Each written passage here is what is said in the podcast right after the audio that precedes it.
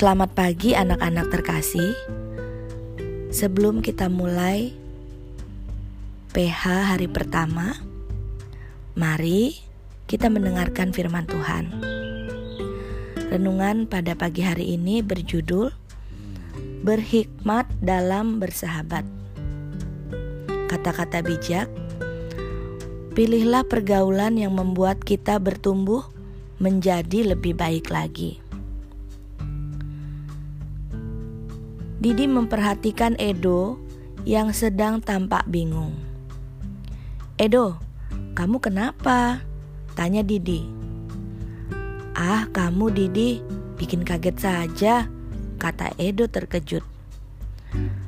Aku tadi diajak Farel dan Dono membuat contekan. Ini kertas contekan untuk ulangan besok, jawab Edo sambil memberikan secari kertas kepada Didi. Edo, kamu tahu kan, menyontek itu tidak baik. Kalau ketahuan, kita bisa ditegur sama guru. Jawab Didi. Lebih baik kita belajar bersama untuk ulangan. Jawab Didi menyemangati Edo. Anak-anak, perbuatan Farel dan Dono yang mengajak Edo berbuat curang pada saat ulangan sangat tidak terpuji. Mari kita membaca firman Tuhan dari 1 Korintus 15 ayat 33. Janganlah kamu sesat. Pergaulan yang buruk merusakkan kebiasaan yang baik.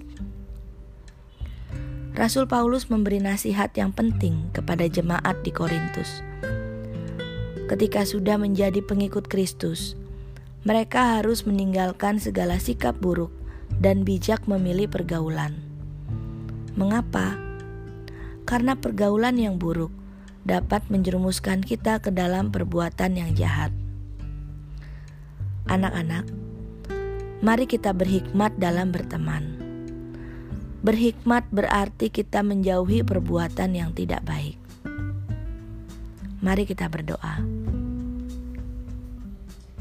Bapa di surga, aku ingin memilih pergaulan yang baik tanpa memusuhi temanku.